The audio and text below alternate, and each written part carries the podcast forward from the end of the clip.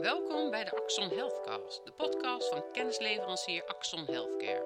Wij bespreken de actuele onderwerpen en hot topics voor de Nederlandse gezondheidszorg. Vanaf de redactie van Axon hoort u Jan Gussen, DJ Huisman en Caspar Brouw. De VIG heeft haar lang verwachte gedragscode gepubliceerd. In eerste reacties in de media hierover domineren twee zaken. Het traject is een hele bevalling gebleken en het heikele punt van verantwoorde prijsstelling ontbreekt vooralsnog. Hoe komt dat en wat staat er dan wel in de code? Vandaag hebben we het over de lang verwachte code die de Vereniging Innovatieve Geneesmiddelen heeft gepresenteerd. De VIG, afgekort, is de branchevereniging voor uh, farmaceuten. Vooral de, uh, de, innovatieve farmaceuten. En die hebben met een gedragscode willen vastleggen ja, waar zij op, op uh, aangesproken kunnen worden. Maar gek genoeg zagen we dat, dat ze vooral op iets anders aangesproken worden. Namelijk iets wat niet erin staat afgaande op de media en op de berichten die er, die er hierover zijn verschenen, over die gedragscode, vallen vooral twee dingen op. Um, het is een hele bevalling geweest, het heeft, ja, lang geduurd voordat deze code er was.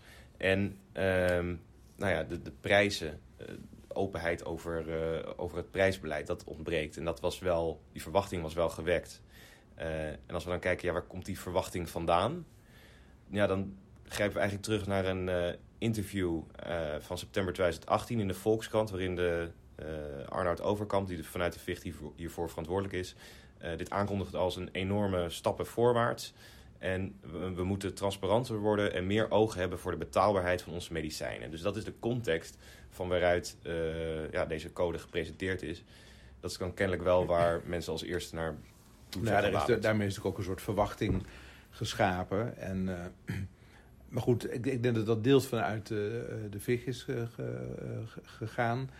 Maar ook wel deels vanuit ook de maatschappelijke discussie die speelt. daarmee is natuurlijk ook heel veel druk en, en, en een eenzijdige druk wellicht op, op, een, op een discussie rondom prijsstelling en transparantie van, van, van, van kosten en, en, en, prijzen.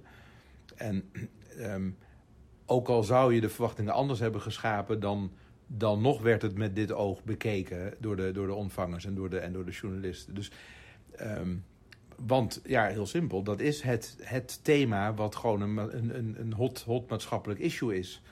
Ja. Dus alles wat je vanuit een, uh, een, um, ja, een koepel feitelijk uh, als representant voor de innovatieve farmaceutische uh, fabrikant presenteert, wordt tegen dat licht bezien. Ja, maar ik, nou ik denk dat het met de historie van deze code te maken heeft. Want volgens mij de plannen om deze code op te stellen zijn ontstaan in een periode dat die prijzen heel erg ter discussie stonden.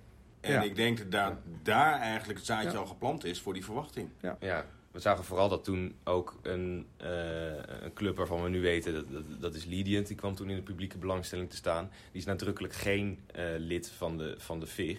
En dat die juist in het nieuws kwam omdat ze uh, nou ja, met de prijsstelling van hun CDCA-medicijn. ja, dat speelt ook mee in die context om die code te creëren. Ja. ja en dan, dan staat, dat, staat die prijs er nu dus kennelijk niet in. Ik denk dat dat traject ook wel een leertraject voor de industrie zelf is geweest. Het is, um, ik denk dat het, vanaf het proces van um, uh, we gaan een, een, een, code opstellen tot aan het moment dat die er ligt, zit natuurlijk heel veel uh, schakelen tussen de achterban. En um, het is natuurlijk een, een zeer, noem je dat, gevarieerde achterban met, met allemaal natuurlijk multinationals met hoofdkantoren in andere landen, met andere portfolio, met verschillende signatuur. Dus um, het hele traject om uiteindelijk iets gemeenschappelijks op papier te krijgen, eigenlijk voor alle punten, maar zeker op iets wat natuurlijk best wel in de publieke belangstelling staat, is een heel moeilijk traject.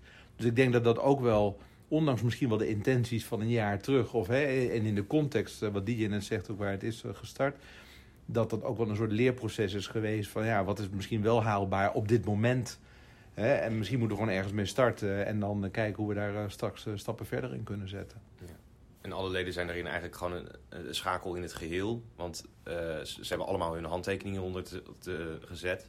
En nou ja, ik ga ervan uit dat ze dat natuurlijk wel met een hoofdkantoor in het buitenland ook overlegd hebben. Ja, dat weet ik niet, maar dat, ja. ik neem aan dat dat wel... Dus ik snap dat dat een langdurig proces ook is geweest daarin. En dat, dat, uh, dat gaf je ook aan. Hè. Het heeft natuurlijk lang geduurd voordat uh, dit, er, dit er lag. En dat maakt natuurlijk ook wel dat je toch naar een soort compromis zoekt... wat voor iedereen ja, behapbaar is.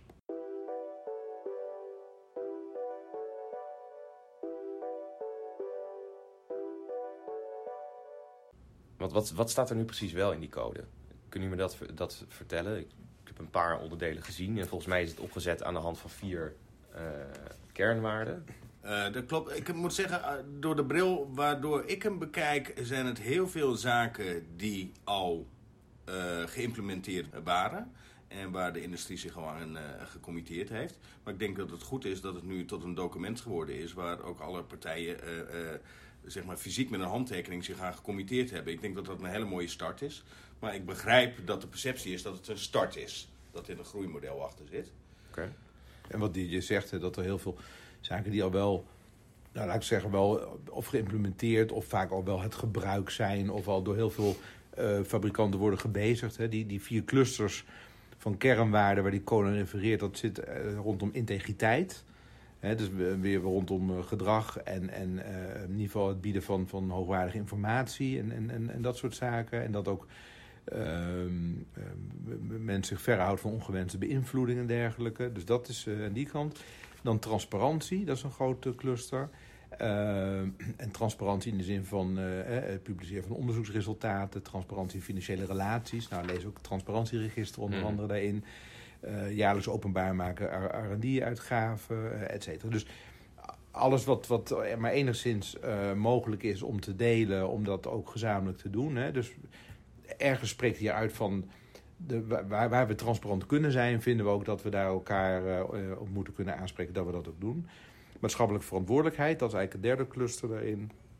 dus in ieder geval ook de ogen niet sluiten voor al die dingen die nodig zijn binnen de gezondheidszorg om ja, noodzakelijk te verbeteren. Deelnemen aan maatschappelijke projecten, et cetera. Ook hier zitten natuurlijk wel zaken in als respect voor het recht op privacy en dat soort dingen. Dus beetje ook wel de geldende regelgeving die natuurlijk eigenlijk wel usance is voor alle partijen. En het laatste stuk is kwaliteit.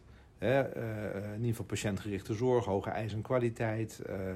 Uh, zorgen dat behandelrichtlijnen van beroepsorganisaties actueel worden gehouden. En in ieder geval vanuit de rol die de industrie daarin heeft, om daar zoveel mogelijk aan bij te dragen. En dat zijn eigenlijk, ik, denk wat, wat jij zegt, voor een heel groot deel natuurlijk al wel zaken die die niet nieuw zijn, die natuurlijk al wel of gebezigd werden of al wel voor een deel geïmplementeerd waren. Dat. Maar um, zoals gezegd, best wel goed om dat een keer in een, in een uh, geïntegreerd document op te stellen. En ook in de constructie dat je elkaar erop kan aanspreken. En ook je publiekelijk daarop uh, op blootstelt. Ja, want alle, alle VIG-leden betonen zich hiermee dan uh, onder andere dus ook dat ze nou ja, goed werkgeverschap doen, uh, verduurzaming van de sector. Dus dat zijn natuurlijk ook wel onderdelen waar ook de maatschappij om vraagt. Um, maar de maatschappij vraagt natuurlijk ook nog, zeker ten aanzien van de, van de industrie, uh, ja, om, op, op prijstransparantie. En dan zien we dat ook het hoofd van het adviescollege hier een uitspraak over heeft gedaan. Maar ik wil eerst even inzoomen. Dat adviescollege Um, die kijkt hiernaar, die kijkt naar deze code, naar de naleving daarvan. En dat gebeurt aan de hand van uh, pas toe of leg uit. Ja. Uh, dus dat betekent dat uh, fabrikanten um, ja, zich aan deze normen houden, maar als ze ervan afwijken, dan geven ze dat aan en daar kijkt dan het adviescollege naar. Maar dit adviescollege kijkt ook meer, houdt ook meer dan alleen toezicht. Ze geven ook gevraagd of ongevraagd, advies. Ja. er zitten drie mensen in, waarvan, waarvan aan het hoofd uh, André Rauwvoet, dat is misschien wel de bekendste. Die kennen we als uh, voorman van de zorgverzekeraars. Ja. Uh, oud minister natuurlijk, ChristenUnie-politicus.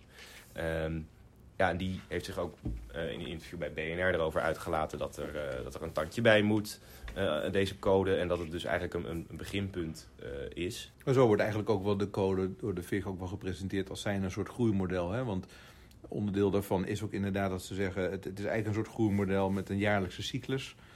En uh, natuurlijk ook in, in, de, in de link naar de achterban... maar ook zeker met een rol voor dat adviescollege... Uh, om inderdaad wat je zegt, gevraagd dan wel ongevraagde uh, input daarop te kunnen geven. Mm -hmm. Dus dan is dit in, in die zin een eerste stap met ruimte voor, voor aanvulling. Ja, en een aanvulling die jij daarin ziet is dat, nou ja, even in de context die je net ook schetste, van het is natuurlijk met, met 40 leden, met uh, hoofdkantoor in het buitenland lastig om, om echt eenduidige uitspraken te doen. Uh, maar binnen die context zegt Rauwvoet van, nou, ik zie wel wel dat er wel een stapje gezet kan worden en ik wil dat samen met de, met de VIG gaan onderzoeken ook binnen de kaders van de, van de mededingingswet. Want ook daar zijn echt nog wel uh, stappen in te zetten. Het is niet dat die wet alles uh, verbiedt om er een uitspraak over te doen. Nee, want als ik goed begrijp, dan, dan duidt hij een beetje op dat er natuurlijk wel ruimte zit tussen enerzijds het maken van prijsafspraken en een aantal dingen die daar gewoon niet mogelijk in zijn. En wat misschien ook onrealistisch is om vanuit een private sector met hoofdkantoren buiten Nederland te, te, te verlangen. Tot het helemaal niet zeggen van hè, hoe je naar een verantwoorde prijsstelling zou willen kijken. Of misschien alleen al een gedachtegang of zo. Daar moet iets tussen zitten waar je wel degelijk iets over zou kunnen zeggen. En wat, wat kan dat dan zijn? Hebben we een idee? Wat, wat, zou, ja, wat, zou de, wat zou de hierover kunnen zeggen? Ik, ik kan me voorstellen dat. Uh, kijk, natuurlijk zit er een hele discussie in hoe je een bepaalde prijs kan rechtvaardigen. Hè? En als je zegt van nou ja, wij, wij, wij kijken alleen maar naar de waarde wat het heeft in behandeling of in uitkomst. Dan zou het, is het heel raar als je dat helemaal los zou trekken van de kosten die je daarvoor uh, moet investeren. Dus uh, je kan ook niet zeggen, nou, de value is, het is levensreddend en daarmee mag het oneindig tot aan de hemel kosten.